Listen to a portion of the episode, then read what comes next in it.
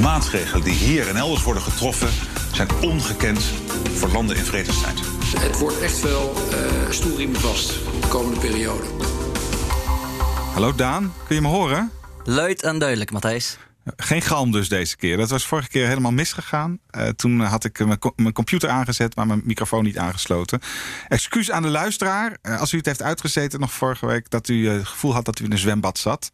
nu zitten we keurig in de studio, dus nu gaat het een stuk beter. En denk ik dat we kunnen beginnen. Zeker, zeker. Dus daar rest er mij niet meer dan jullie te verwelkomen bij Ongekend in Vredestijd, de wekelijkse podcast van FD en BNR over de economische gevolgen van de coronacrisis. En ik ben dus Daan Ballegeer. En ik ben Matthijs Bouwman, luid en duidelijk deze keer. En uh, ja, we gaan het eigenlijk een beetje hebben over iets net naast economie, namelijk uh, rechters en uh, uitspraken en een juridisch systeem. Het gaat natuurlijk uiteindelijk over economie. We gaan het hebben over de uitspraak van het Duitse constitutionele hof in Karlsruhe. Uh, die zei wat over het gedrag van de Europese Centrale Bank deze week. Gaf ze een veeg uit de pan. En daarmee eigenlijk een veeg uit de pan voor het hele Europese juridische systeem. Meine Damen und Herren, in Zeiten wie diesen, in denen die europäische Solidarität in nie dagewesener Weise herausgefordert wird, mag die heutige Entscheidung op den eerste blik irriterend. Uh, dat heeft allerlei economische consequenties. Maak zich geen zorgen. Het wordt niet heel saai, niet heel juridisch. Af en toe gaan we wat uitleggen. Uh, en economen die over juridische zaken praten, dat is natuurlijk veel leuker dan juristen. Um, ja, het ging eigenlijk over een uitspraak over een van de belangrijkste instrumenten waarmee de Europese Centrale Bank uh, op de coronacrisis heeft gereageerd. Die, die kwam deze, deze week min of meer in gevaar. Het nieuwe steunpakket van de ECB vanwege corona bestaat, beslaat 750 miljard uh, euro. Misschien wordt dat nog wel eens een keer verdubbeld.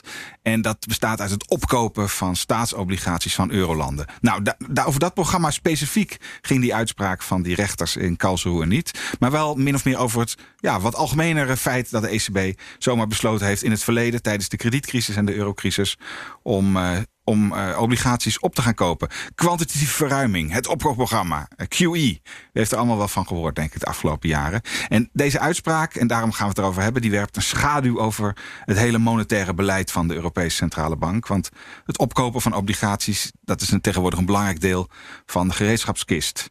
Nou, hoe dat precies werkt, gaan we proberen uit te leggen in deze podcast in een half uurtje. Dus dat wordt nog een stevige klus. En misschien moeten we maar eerst even beginnen, Daan, met uh, proberen uit te leggen hoe dat nou eigenlijk werkt met dat opkopen van obligaties en waarom de ECB dat doet. Een goed idee. Daarvoor wil ik heel klein uh, beginnen en uitleggen hoe een obligatiekoers werkt. Want daar gaan we het straks uh, nog zeker goed uitgebreid over hebben. Nu, stel een bedrijf ABC dat 100 euro leent via de uitgifte van een obligatie met een looptijd van 10 jaar. Met andere woorden, dan betaalt het jaarlijks een coupon Uh, uh, en die bedraagt in dit geval uh, 5 euro. Als houder van dat schuldpapier krijg je dus na die 10 jaar niet alleen je laatste keer je 5 euro, maar ook nog je hoofdsom van 100 euro. Je jaarlijkse gemiddeld rendement is dan, simpel gerekend, 5%. Maar stel nou, Matthijs, dat de dag nadat ik die gekocht heb, jij bij me aanklopt en zegt: Ik ben heel jaloers op jouw obligatie, dan wil je die niet aan mij verkopen. Ik ben zelfs bereid om daar 110 euro voor te betalen. En uh, dat ik daartoe bereid ben, ja, we doen die deal, dan krijg jij 10 jaar lang 5 euro en aan het eind ook nog eens de hoofdsom van 100 euro. Maar wat je er 110 voor betaald hebt, is je gemiddeld jaarlijks rendement niet 5%, maar wel 3,8%.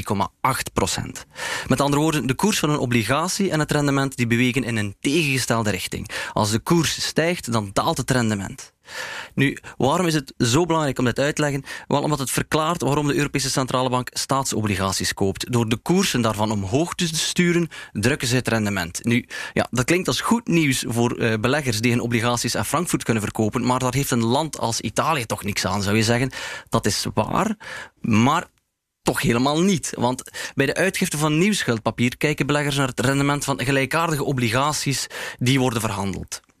Dus goed nieuws voor de overheden. Maar waarom zou de ECB dat nu doen? Wel, de rente van staatsobligaties die is richtinggevend voor het tarief voor heel wat andere vormen van krediet, zoals leningen aan bedrijven. Ze trekken die op die manier met andere woorden mee omlaag. En dan kom ik bij de laatste vertaalslag. Ja, de goed nieuws voor bedrijven dus, eh, die uh, goedkoper kunnen lenen. Maar de vraag blijft, waarom doet de ECB dat? Wel, de ECB kampt al jaren met een inflatie die hardnekkig rond het procent blijft hangen. En dat terwijl in haar mandaat staat dat ze moet streven naar inflatie van dichtbij maar minder dan 2%. Bedrijven die goedkoper kunnen lenen, zullen meer lenen, is de gedachte, en dus ook meer investeren. Daardoor stijgt de economische activiteit en de concurrentie om goed personeel. Het gevolg zijn hogere lonen, want ja, die, die bedrijven moeten mensen overtuigen om voor hen te komen werken. En als iedereen die mensen wil, dan hebben ze grotere onderhandelingsmacht. En dat leidt tot uh, hogere kosten voor die ondernemingen, die ze vervolgens gaan doorrekenen in hun eigen prijzen voor producten en diensten. En wat is het gevolg? Een verhoopte gevolg, voilà, inflatie. Ja, heel veel stapjes hè, voordat je bij die inflatie bent. Maar uiteindelijk kom je erop terecht. En daar hebben we het vorige week eh, natuurlijk uitgebreid over gehad... Uh, hoe schadelijk of goed inflatie is.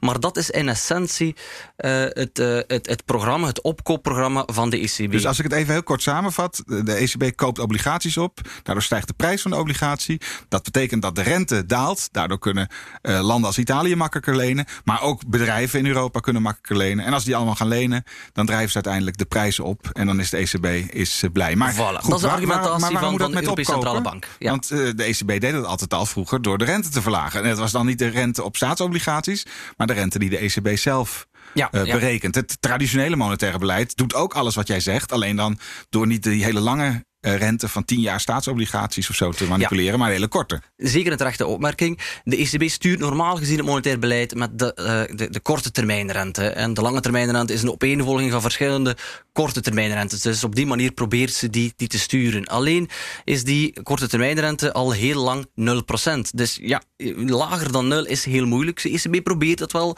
uh, op, een, op een beperkte manier, maar dat heeft niet echt grote gevolgen. Dus ze probeert die lange termijnrente rechtstreeks omlaag te drukken door dus lange termijnleningen te kopen, die prijzen op te drijven en zo de rente omlaag te duwen. Ja, oké. Nou, dat, dat, dat lijkt mij keurig eh, uitgelegd, Daan. Eh, ik had het niet hier niet nagedaan.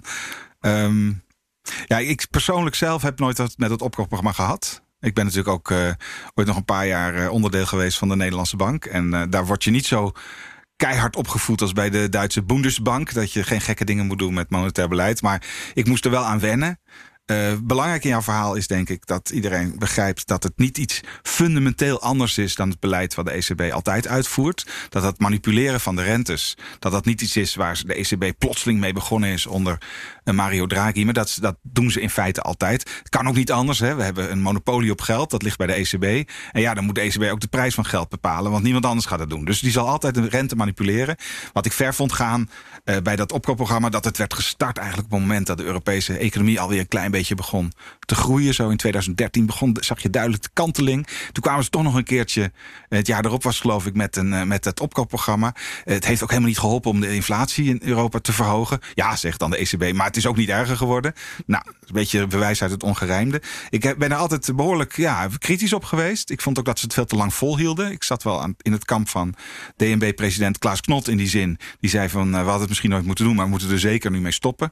Uh, maar één ding vind ik super onredelijk in die, in die uitspraak. Want nu komen we bij die, bij die uitspraak een beetje in de buurt. Uh, dat Europese rechters, of Duitse rechters in dit geval, denken het in hun hoofd halen om daar iets van te vinden. Uh, de ECB, uh, daar hoef je niet mee eens te zijn. Maar je moet in elk geval niet als, als jurist gaan zeggen. De ECB mag niet zijn eigen beleid bepalen. Want de ECB is onafhankelijk. En dat is maar goed ook. En hoeft niet naar Duitse rechters te luisteren. Dus het, dat, dat vonnis kun je helemaal op tegen zijn. Waar, daar ben ik denk ik wel. En tegelijkertijd ook niet een voorstander zijn voor alles wat Mario Draghi in het verleden heeft gedaan. Ja, ik, ik, ik uh, volg wat je zegt. Er is uh, op één punt na, denk ik. Er is wel degelijk een rechter die er mag over oordelen. Dat is de Europese, uh, zijn de Europese rechters, het Europees Hof van Justitie. En daar is het net de hele crux van die uitspraak uit Karlsruhe. Wat die eigenlijk gezegd hebben. Kijk, de normale volgorde is dat Karlsruhe krijgt een klacht. Het, het Duits Constitutioneel Hof krijgt een klacht van Duitsers die vinden dat hun rechten geschonden zijn door wat de Europese Centrale Bank doet. Uh, de Duitse rechters vragen vervolgens aan de hoogste rechters uh, in de Europese Unie, het Europees Hof van Justitie, uh, wat moeten we hiervan van maken? Want het Europees Hof is ja, bevoegd voor het uitleggen van het Europese recht. In 2018 heeft het Europees Hof van Justitie gezegd... Uh, wij zien hier eigenlijk uh, niets uh, problematisch in. Wij zien er geen monetaire financiering in, wat een van de klachten was. En wij vinden dat het beleid van de ECB... om met staats, het opkopen van staatsleningen die rente omlaag te drukken... goed uitgelegd, dus wij geven een goedkeuring.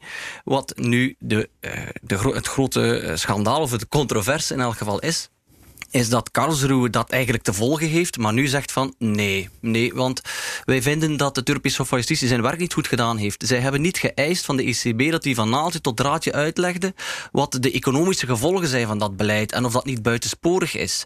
En omdat het Europees Hof objectief willekeurig was, dat is de uitdrukking, objectief willekeurig was in uh, zijn beoordeling van wat de ECB doet, ja, hij plaatst zichzelf buiten het Europees recht en heeft ze niet de bevoegdheid om hierover te spreken. En daarom gaan wij hier in Duitsland dat maar eens uh, gaan uitmaken. Ik, ik ben er zeker van dat toen Koen Leenaars, de president van het Europees Hof van Justitie, dit hoorde hij tegen het plafond hing. Dit is een, eh, een, een, een nucleaire uh, bom in, in, in, in, ja, in, de juristenwereld. Omdat een, een, eigenlijk een lagere rechtbank, namelijk die van een lidstaat van de Europese Unie, Duitsland in dit geval, zegt dat, ze, dat zij het laatste woord hebben bij de uitleg van het Europese verdrag uh, waarvan we afgesproken, daar gaat uiteindelijk het, het Hof in Luxemburg uh, gaat daarover. Uh, maar ze hebben zichzelf nu toegekend van wij, nee, wij hebben het laatste woord. En dit is eigenlijk ook een, een, een, een strijd tussen juristen hiermee geworden. Ik hoorde een hele goede podcast van, het, van Breugel, een, een, Brusselse denktank, waarin ze een notabene Duitse jurist aan het woord lieten, lieten van de Universiteit van Bielefeld. En die had geen goed woord over voor deze uitspraak. Because today is a sad day for European law.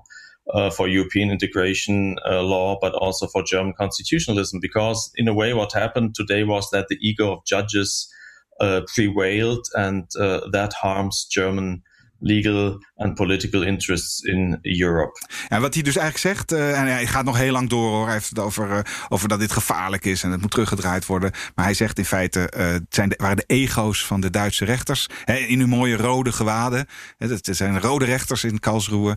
en vooral van de voorzitter, die ook meteen is afgetreden hierna. Dit is zijn laatste daad als, als rechter. Het waren de ego's van die rechters die het eigenlijk niet konden hebben dat ze niet het laatste woord hadden. Maar dat dat inmiddels in, uh, in Europa. Dat, hè, dat Europa het laatste woord heeft, het Europese Hof. Ja, dat is natuurlijk ja, heel kleinzielig. Hè. Dat ja. is, uh... Er misschien even aan toevoegen dat uh, de Duitse rechters eisen dat de ECB nu binnen de drie maand uitleg geeft waarom haar programma, dat opkoopprogramma, dat omstreden opkoopprogramma, waarom dat de beoogde effecten heeft en geen buitensporige economische gevolgen heeft. ja, de Europese Centrale Bank is gebonden aan de Europese hoogste rechtspraak en niet aan de nationale rechtspraak. Dus eigenlijk hoeft hoeft ze dat niet te doen. Tegelijkertijd ja, is de Bundesbank, uh, die dus voor de ECB Duitse obligaties opkoopt, die zou kalt gesteld worden als ze dat niet doen.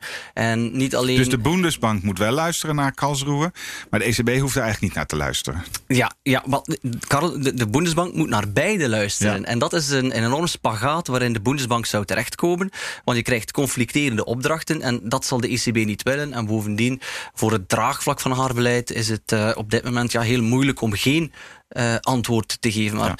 het heeft, kijk, het heeft een enorme precedentswaarde. Want het programma op zich we hebben nog niet de omvang ervan verteld, want het is een oud opkoopprogramma. Dat liep tussen 2015 en 2018. Dat eind vorig jaar in november terug is opgestart. En dat koopt maandelijks voor 20 miljard aan staatsobligaties. Nu, ja, in the bigger scheme of things is dat peanuts. Want de ECB heeft in maart een nieuw uh, opkoopprogramma opgezet, waarmee het al, uh, wat je zei, voor 750 miljard euro de schuldpapier gaat opkopen dit jaar. Dat kan gerust nog verdubbelen. Dus ik bedoel, als ze moeten stoppen met dat programma omdat ze die uitleg niet willen geven of omdat uh, de uitleg niet genoeg is, hè, dat het programma van die 20 miljard, dan doeken ze dat bij spreken gewoon op en rekken ze dat andere programma gewoon open. Ja goed, dus... maar ze moeten ook hun uh, opgebouwde obligaties, die nu al in de kluis bij de Bundesbank liggen, die moeten ze dan ook weer gaan afstoten de komende maanden. En dat heeft natuurlijk wel heel veel invloed op, uh, op, de, op de markt echt. Ja, maar indirect, als de Bundesbank ze moet verkopen, kan het eurosysteem die terug ja. opkopen. Nee, goed, het is dus een principiële uitspraak. Heb je altijd met juristen, hè? principiële uitspraken zonder, zonder dat je nou meteen denkt van dit het hele bouwwerk stort in. Um, nou, het bepaalt eigenlijk wel, denk ik, in de toekomst. Hè? Eigenlijk willen we naar rechters luisteren. We willen doen wat de wet voorschrijft. En rechters mogen dat uitleggen. Dus als er nou als dit nou echt invloed krijgt, dan bepaalt dat toch wel, voor mijn gevoel, in de toekomst wat de ECB kan doen. Ook met dat nieuwe programma, wat ze speciaal vanwege corona hebben opgestart.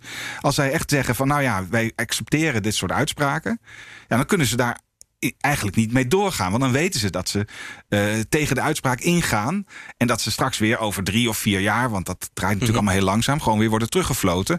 En zo werkt het natuurlijk niet met internationale instellingen. Die kunnen niet, eigenlijk niet zeggen van nou, wij gaan het lekker wel doen. En uh, begin maar een nieuwe rechtszaak hoor. Die moeten zich wel voegen naar de bestaande rechtsorde. Dus wat, wat, die, wat die Duitse uh, uh, hoogleraar zei, die zo kritisch was, die zei van, en dat vond ik op zich een interessante, interessant idee we gaan nu wel een beetje buiten ons economisch boekje trouwens. Maar die zei van hier moet eigenlijk de Europese Hof van van justitie moet hier tegen gaan strijden. Dus de Duitsers in Karlsruhe hebben gezegd. Hof, je bent niet bevoegd, je hebt je werk niet goed gedaan. En nu moet het Hof tegen de Duitsers zeggen: Oh, omgekeerd ook. Jij hebt je werk niet goed gedaan en jij bent niet bevoegd. Krijg je dus een soort battle of the de ropes. De Europese rechters moeten gewoon zeggen: terug jullie hok. Dat is eigenlijk uh, wat Vitor Constantio, de voormalige vicepresident van de Europese Centrale Bank, uh, vandaag zei. Het is Europees. Er, is maar, er, er kunnen geen twee rechtspraken zijn over één en hetzelfde onderwerp door twee verschillende bronnen. Dus je hebt de eenheid van het recht nodig. En het Europees Verdrag legt vast dat de Europese, het Europees Hof van Justitie de, de ultieme bevoegdheid heeft om het recht uit te leggen. En dan moeten die lagere rechtbanken dat volgen. Ja, dus, maar het is natuurlijk iets bijzonders aan Duitsland. Hè? Want Duitsland heeft een hele sterke grondwet. En dat maakte ons ook eerder in die eurocrisis, maar gaf dat vaak wel problemen. Um, een grondwet nog bedacht volgens mij door de Galieerden, hè, toen mm Duitsland bezet was. Uh, gebaseerd op het, uh, op het Oostenrijkse en ook het Amerikaanse grondwet. En de bedoeling van die grondwet is vooral om te zorgen dat de macht in Duitsland verdeeld blijft. En dat met name het, het, Duitse parlement, als het gaat om het budgetrecht, over hoeveel geld geven we uit, kan niet gepasseerd worden door de regering. Dus die, ja, de regering die regeert, maar het parlement kan echt controleren, want die gaan altijd over het geld. En er staat er zoiets van eigenlijk, je mag dat nooit uit handen geven. En dus elke keer als er soevereiniteit wordt overgedragen via de ECB of maar ook al via de Europese begroting, is dat eigenlijk een beetje moeilijk voor de Duitsers. Want ja, ze hebben zo'n grondwet die ook nog eens een keer onveranderbaar is, zo'n beetje. Daar hebben de Amerikanen ook al voor gezorgd. Allemaal om de nieuwe dictator te voorkomen. Maar die zorgt er nu voor dat Duitsland eigenlijk een soort uitzondering is in Europa. En om het heel overdreven te zeggen, wij dachten altijd dat Griekenland en Italië het einde van de monetaire unie zou uh, inluiden. Uh, maar misschien is het, hè, dat mhm. gaat niet gebeuren, het is vast overdreven. Maar Misschien is, zijn het wel de, die strakke Duitsers die straks uh, met zijn, hun zogenaamde uitzonderingspositie daarvoor zorgen. Maar het is ook een, een uber-rechtlijnige manier van redeneren dat er een soort, uh, wij van spreken, een soort checklist moet komen om dat beleid van uh, de ECB te beoordelen. Want zij willen dus van de Europese Centrale Bank horen wat zijn de gevolgen voor pensioenen, wat is het gevolg voor vastgoed, wat doet het met...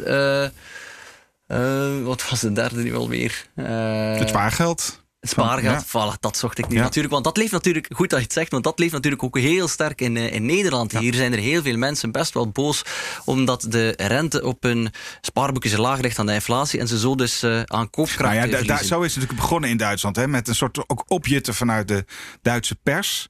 Uh, continu werd, meer dan nog dan in Nederland, werd al dat, uh, dat, dat opkopen, maar überhaupt die renteverlaging en die negatieve rente van de ECB, werd altijd direct gekoppeld mm -hmm. aan uh, het stelen van de, van de Duitse spaarder. En dat gaven we dan aan de Italianen. Dat is het idee. Wat echt niet klopt. Hè. Zo werkt de economie niet. Maar natuurlijk was die rente laag ook door het ECB-beleid. En dat is meer, meer of meer gezien als een soort onteigening van Duits spaargeld. En zo, zo dat sfeertje, wat ook uiteindelijk heeft geleid tot het alternatief voor Duitsland, hè, die, die, die beetje radicale partij die ook van de euro af wil. Ja, dat sfeertje, dat, dat voel ik ook helemaal bij die uitspraak van, uh, van Karlsruhe. Natuurlijk zijn er bijwerkingen van het monetair beleid. We hebben in het eh, verleden al vaak de doemklok gehoord over de zombiebedrijven. Hè, bedrijven die dus in een normale omgeving al lang over de kop zouden zijn gegaan, maar door de ultralage rentes waarmee ze zich kunnen blijven financieren, strompelen ze door de economie verder. En op die manier houden ze eigenlijk kapitaal vast dat ergens beter zou kunnen gebruikt worden. Houden ze personeel eh, vast dat ergens elders uh, misschien uh, graag zou worden binnengehaald. En, en dat is natuurlijk een negatief gevolg. Dat heeft de Internationaal Monetair Fonds en eigenlijk ook de ECB wel erkend dat dat een probleem is. Maar ja, hoe ga je die afwegingen maken van welk beleid nu welke gevolg ja, ja, heeft, Dat is waar de ECB voor is natuurlijk. Om en, dat, en de ECB heeft hier ongetwijfeld, want kijk, in februari 2015, dus een maand voor het opkropprogramma begon, hebben ze bij de ECB een hele goede of hele stevige discussie gehad over voor- en nadelen van dat opkoopprogramma dat dus zou gaan beginnen. En wat, wat uh, ja, de, de voorwaarden moesten zijn en wat de mogelijke nadelen waren. Dus bij wijze van spreken kan de, uh, kan de ECB een pdfje maken van die, uh, van die vergaderingsnotulen en die opsturen naar Karlsruhe van hier heb je onze, onze motivering. Ja, ik heb nog een beter idee wat je ze moet, moeten Je moet nog één punt dat ik echt aan toevoegen.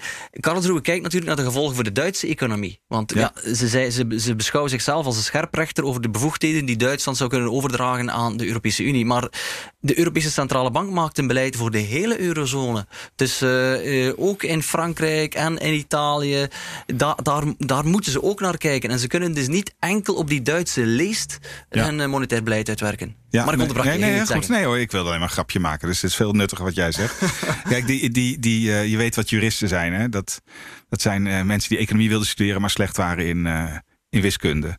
Dus, uh, dat haalt me opleveren. Ja, ja, ja, nee, dat is gewoon zo. Kijk, het is trouwens grappig is, als je economie gaat studeren, dan gaan de helft van je vrienden gaan rechten studeren. Er zijn allemaal labbekakkerige studenten die eigenlijk niet zo goed weten wat ze willen en slecht zijn om natuurkunde te doen. Dus economie, als je een beetje wiskunde kunt, je, je, je wordt een jurist als je dat, uh, zelfs dat niet eens kunt. En dan komen we van uit die, uit, die, uit die schoolbankjes en dan zijn we compleet verschillend gehersenspoeld. En juristen denken in rechte hokjes en rechtlijnig en maakt niet uit wat de consequenties zijn. En economen zeggen van nou joh, draai een beetje aan die knoppen, ga maar een beetje, hè, een beetje spelen, net langs de regels, moet toch kunnen. En elke keer als die twee geconfronteerd worden, ik heb het ook wel meegemaakt in mijn werk, hè, ook wel bij de overheid en ook wel bij de Nederlandse bank. Als, als je met een jurist en een econoom in één kamertje zit, zet, ze zijn eigenlijk hetzelfde type, alleen ja, ze kunnen gewoon niet meer met elkaar overweg. En in dit geval gaan dus de juristen op de stoel zitten van de ECB en ze zeggen wij snappen beter wat voor beslissing jullie hadden moeten nemen. Wij denken dat jullie die afweging niet gemaakt hebben tussen spaargeld en tussen uh, recessie of tussen inflatie en tussen lage rente.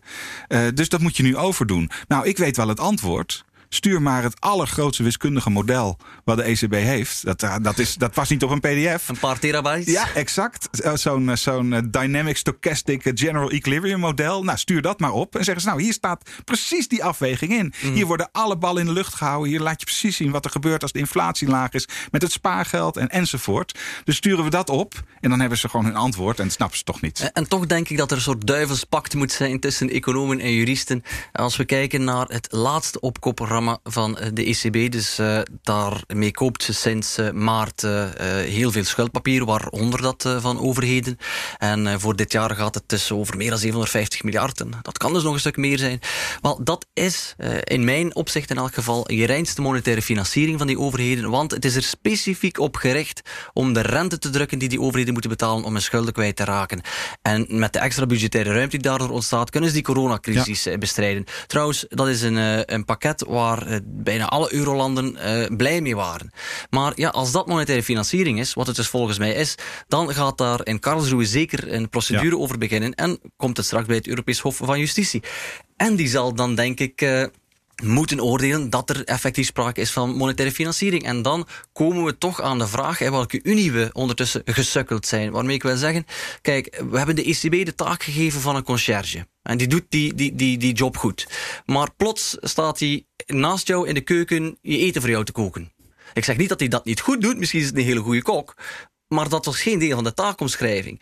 We moeten, als we van de ECB ook verwachten dat ze in tijden van crisis alles uit de kast haalt en dingen doet die ja, soms wat uh, ja, taboe waren, dat we die in het terrein trekken, dat we daar tenminste een debat over hebben van hoe zien we de rol van die Europese instellingen. Ja. En dan zal het Europees Hof van Justitie gewoon consequent uh, oordelen of dat dat mag of niet mag. Maar nu zijn we eigenlijk... Nou ja, misschien moet je het Europees Verdrag dan dus wel aanpassen. D dat, ik denk dat het nodig is, maar dat is ook een werk Gaat van niet lukken, jaren. Dan krijgen we weer een referendum in Nederland en Ierland en Frankrijk. Dus, uh... Maar dat is nu eenmaal, kijk, een Europese Unie is een politiek project. De Europese Unie is een politiek project uh, dat met vallen en opstaan verder gaat. En, en soms kom je in een wolfsijzer terecht ja. met je voet.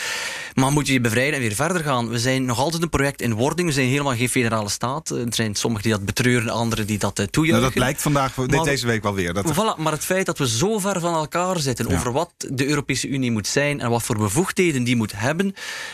Op zijn minst kan je zeggen dat die rechters van Karlsruhe die discussie op scherp gezet hebben. Nou, dan van... weet ik nog een voordeel van die Karlsruhe-discussie. En er zijn ook wel wat mensen juist aan de linkerkant die dat zo hebben uitgelegd. En dat is wel grappig eigenlijk. Uh, die zeggen van ja, de ECB heeft eigenlijk elke keer tijdens de crisis, en dat gaan ze nu weer doen, de, de, de hete kolen uit het vuur gehaald voor de politici. Politici moeten eigenlijk met enorme noodhulp komen en met transfer, transfer unions en hè, geld geven aan de Italianen om niet, dat soort zaken, vinden deze mensen. Uh, en dat doen ze elke keer niet. En dan lost de ECB het wel weer op. Dus die zeggen van, ah mooi, nu kan de ECB niet meer die rol van uh, wij lossen het wel opspelen. En nou moeten ze eindelijk wel eens, ja, hoopvol gedacht. En wat vind je daarvan? Nou, ik, ik, denk, dat dat, ik denk dat ook als je het een Europese redding zou doen via de politiek, hè, wat wel de voorkeur heeft, dat, dat je dan een een, een, een fonds zou creëren. waar vervolgens de ECB weer de obligaties van gaat kopen. Dus ik denk niet dat er zo. Hè, dat uiteindelijk moeten we deze crisis oplossen met het gratis geld. wat we onszelf kunnen geven. omdat we een eigen munt hebben. Dat is waar, Matthijs, maar het geeft toch net iets meer die, die schijn van legitimiteit en democratie. Dus ik vind dat goed. Ik denk alleen dat. Uh, de hele Europroject is natuurlijk een poging. om de zaken zo slecht te organiseren. dat we uiteindelijk wel richting meer politieke samenwerking gaan. He, zo is het in de jaren negentig gewoon echt bedacht. Lukt de politieke unie niet? Nou, dan gaan we wel beginnen met de monetaire. En dat wordt zo'n zootje, dan moeten we wel die politieke unie doen. En dat blijkt dus niet te werken. Die chantage door de crisis van samenwerking in Europa is niet de oplossing. En dat is eigenlijk toch waar die mensen die zeggen: prima die uitspraak nu op gokken. Het is een hele moeilijke situatie natuurlijk, want de eurozone heeft 19 landen. Uh, De Europese Unie heeft er een stuk meer. Maar ook die landen moeten meegaan. En als we naar meer federalisering gaan, omdat die nodig zou zijn voor die eurozone, ja, dan moeten die andere landen daar ook willen aan meedoen. Ja. Ja, nee, het is, dat is heel moeilijk. We hebben onszelf in een hoek, hoek geverfd. Overigens denk ik dat met, met eigen wisselkoersen... dat we de afgelopen crisis nog veel zwaarder hadden gehad. Daar ben ik het helemaal mee eens. Uh, dus het is geen oplossing om terug te willen. Maar het is, het is duidelijk nog niet af. Dat klopt. Ja, nou, uh, ja, ik zou die echt nog wel een tijdje over willen doorpraten. Maar Matthijs, we juridische moeten naar, zaken zijn heel leuk. al kijken. We moeten naar onze favoriete rubriek. Goede tijden, slechte tijden.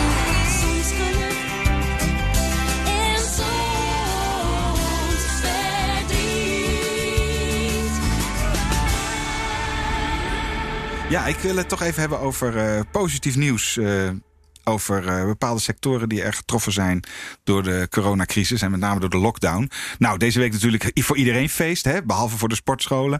Want uh, iedereen kreeg in het vooruitzicht dat het toch wel binnenkort of uiteindelijk in september er wel weer, uh, wel weer geprobeerd mag worden om wat geld te verdienen. Gefeliciteerd alle ondernemers in de sectoren die weer aan de slag mogen.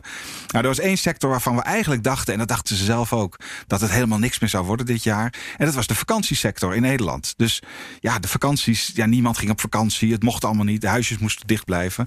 En nu blijkt plotseling dat alle Nederlanders het vakantie vieren in eigen land weer ontdekt hebben. En dat we misschien een hele gezellige zomer tegemoet gaan, Daan. Er worden overal continu vakantieparken toch weer half geopend en de huisjes worden geboekt. Uh, en straks zitten we dus allemaal weer gansbordend in ons uh, vakantiehuisje op onze camping in Texel. Het lijkt me een heel gezellig land worden. Ik, ik wil even verwijzen naar een fantastisch verhaal van Wim de Bie. Ik weet niet of je hem kent. Nee. Nou, van Coat en de Bie. Ah. onze inmiddels, wat is hij al, 80-plusser. die heeft een fantastisch verhaal geschreven hoe hij in de jaren 50 voor het eerst van zijn leven op vakantie gaat. Zijn vader haalt hem op bij het Centraal Station met de platenspeler achterop. En samen fietsen ze naar een uh, Waddeneiland. En daar hebben ze een tentje en hun platenspeler. Nou, fantastisch gelukkig. En zo gaan we ook in Nederland allemaal onze zomer doorbrengen. Gezellig met elkaar onder de Nederlanders in onze camping of vakantiehuisje. Ben je straks te vinden op de Veluwe of op Texel? Nee, ik ga naar Bali, denk ik. Oké. Okay. Ja.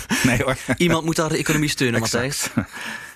Um, de zuurpruim van de week, uh, dat ben ik. Want uh, ik heb een uh, minder positief verhaal gevonden met een onverwachte gevolg. En dat is te vinden in de Verenigde Staten. Want net als in Europa zakken ook daar de autoverkopen flink door de coronacrisis.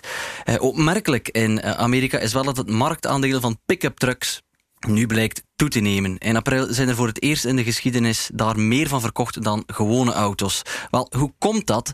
Ford, GM en Fiat Chrysler die pushen deze pick-ups en dan vooral uh, de grote zware beesten zoals de Chevy Silverado of de GMC Sierra. Je moet je maar eens even googlen om te zien wat voor een chromen uh, monsters dat zijn. En ze doen dat met grote prijskortingen en hele goedkope afbetalingsplannen. Uh, de reden dat ze dat daarvoor kiezen is omdat ze bij deze wagens dan nog altijd grote marges overhouden. Ja. Dus uh, ja, goed nieuws uh, voor hen misschien, maar die gasguzzlers zijn natuurlijk geen goed nieuws voor het milieu. Nee, heel mooi. Weet trouwens waarom ze allemaal in van die grote pick-ups rijden in Amerika? Compensatiedrang? Nee, nee, nou dat ook. Maar uiteindelijk, uh, die, zijn, die worden nog vaak lokaal gemaakt. Dat zijn Amerikaanse auto's. En dat komt omdat er een hele grote heffing zit op buitenlandse pick-up trucks. Ah? Van wel 20 procent. Okay.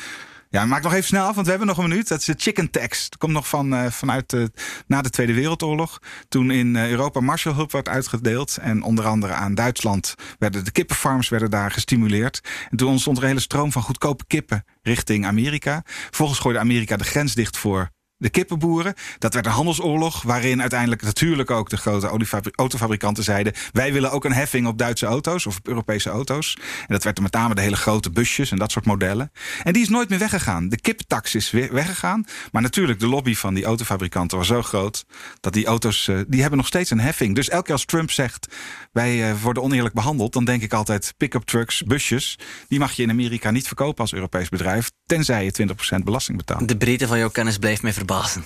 dit heb ik ingestudeerd, hoor. dat snap je toch wel. Nee, nee, ik wist niet dat je dit zou overbrengen. Nou. Daarmee zijn we aan het einde van onze podcast gekomen. Bedankt om te luisteren. Jullie kunnen natuurlijk een recensie nalaten op de verschillende platformen waar je ons kan terugvinden. Of ons ook gewoon eens een mailtje sturen op ongekendinvredestijd.fd.nl.